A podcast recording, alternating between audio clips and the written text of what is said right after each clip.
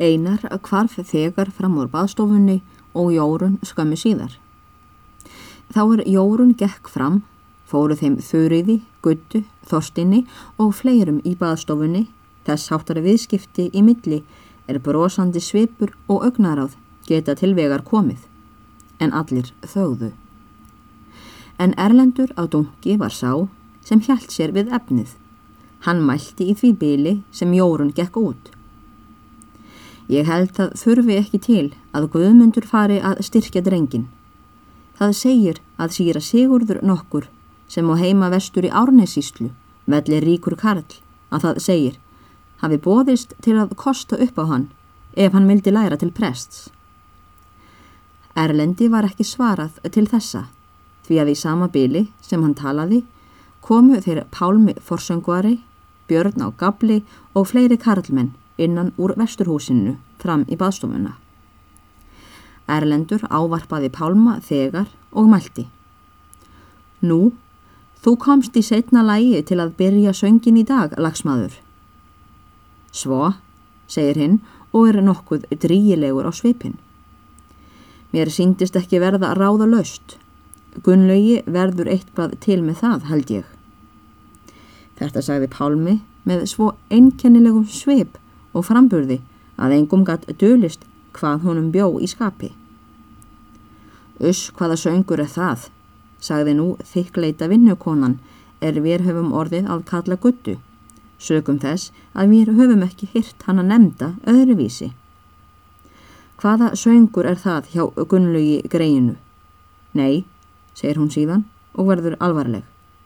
Ég verð nú að segja fyrir mig að mér finnst alltjent eins og þagaða sé í kirkjunni hérna þegar Pálmi stjórnar ekki söngnum. Nú tóku ymsir til orða og rómuðu það er stúlkan hafði sagt á þessa leið. Það má nú segja. Já, það má nú segja. Það er nokkuð um það. Það er óhætt um það. Ég færi ekki til kirkju ef Pálmi væri ekki. Ég segi sama til þess.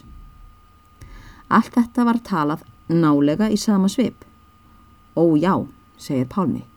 Ég man þó tíðina að það var hingrað við eftir mér hérna á mýrum, þó ég kæmi ekki með þeim fyrstu af messu fólkinu. En nýjir siður koma með nýjum herrum. Já, hann er reglufastur nokkuð með það, blessaður presturinn, að það sé tekið til ætið í sama mund, sæði yngun og stilti vel orðum sínum um leið og hún leit yfir fjölmennið sem var í báðstofunni. Allt komst nú af hjá síra gísla mínum sæla og let hann sér ekkert óðslega, sagði Pálmi hægt og stillilega og leit upp í mæni.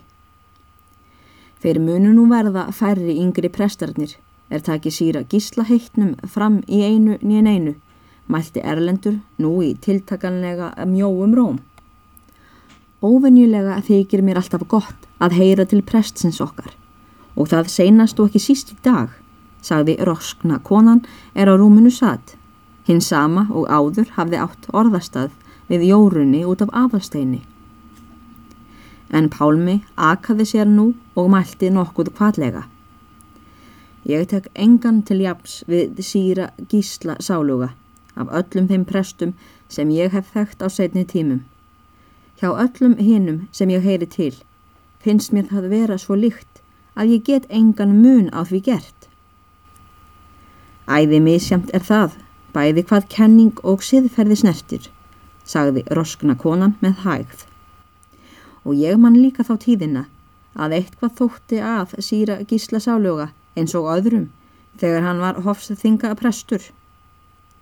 Jæja, ég gekk ætið ánaður út úr kirkjunni frá honum, sagði Pálmi og stóð upp um leið og gerði sig líklegan til að fara á stað og það vil ég heimta af þeim þegar þeim er goldið fullt blessutum. Ég vil nú gjalda prestunum eftir því sem ég líkar við þá, sagði Erlendur. Góða prestunum vil ég fá spesju og segja Þetta eigi þér nú, prestur minn. En vonda prestunum vil ég gjalda svo sem eitt mark og segja Þetta er nú nóg handa þér, góðurinn minn. Og hlón og Erlendur í skríkjum að þessari fyndilegu hugmynd. Uppaflega hafði Erlendur heyrt föður sinn segja þetta þegar Erlendur var ungur. En hann nam það alveg orðrétt og glemdi því aldrei síðan og var hann vanur að koma með það í hvert skipti sem tilrætt var um presta og tekjur þeirra og hló ætíð þegar hann var búinn að segja það. Ég er rætt um að sömur erðu döfir í dálkinni yfir markinu, sagði gutta nú og hló dátt að þessu snilli erði. Engin prestur hefur verið eins óágengur hér á hofi eins og síra gísli sálugi, sagði Palmi. Síðan dró hann niður í sér röttina og mælti. Það eru glöggvari reikningsfærslan á hofinu og dögum piltar. Þó nóg sér ríkidæmið. Og þeir gefa ekki sitt, þó ríkari séu sömur hverjir, ansaði Erlendur. Sömu fólkinu þótti að líkindum talið fara að verða nokkuð bert í slíku fjölmenni.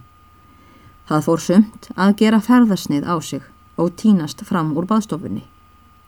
Og er þögn varð, hóf yngun máls og sagði Já, hvað ertu að hugsa erlendur, að fara ekki að fara heim? Ég skal fara að koma, hjartað mitt, svaraði erlendur konu sinni, því að yngun var einmitt hans kona í mjóum og auðsveipum róm. Já, blessaður farðu að leggja á Erlendur, segir Ingun alvarlega. Ætli hann Jónsi gerir það ekki hjartað mitt.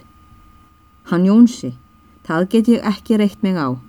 Já, blessaður, farðu maður og gáðu að hvað hestunum líður. Ég er ekki að snópa hér lengur, heyriru það. Þú manns líka hvað þurfti að gera í kvöld heima.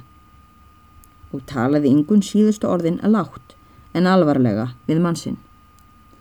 Jú, það skal verða gert, heilin mín, sagði Erlendur og tók nú að kveðja. Og nú tók fólkið að kveðjast og hafa sig á kreik hópum saman út úr baðstofunni, svo að hún varð mannlaus innan skamrar stundar, en það var heimilisfólkið til og frá og fæst inni. Lítillu stundu síðar riðu hóparnir í allar áttur frá mýrum.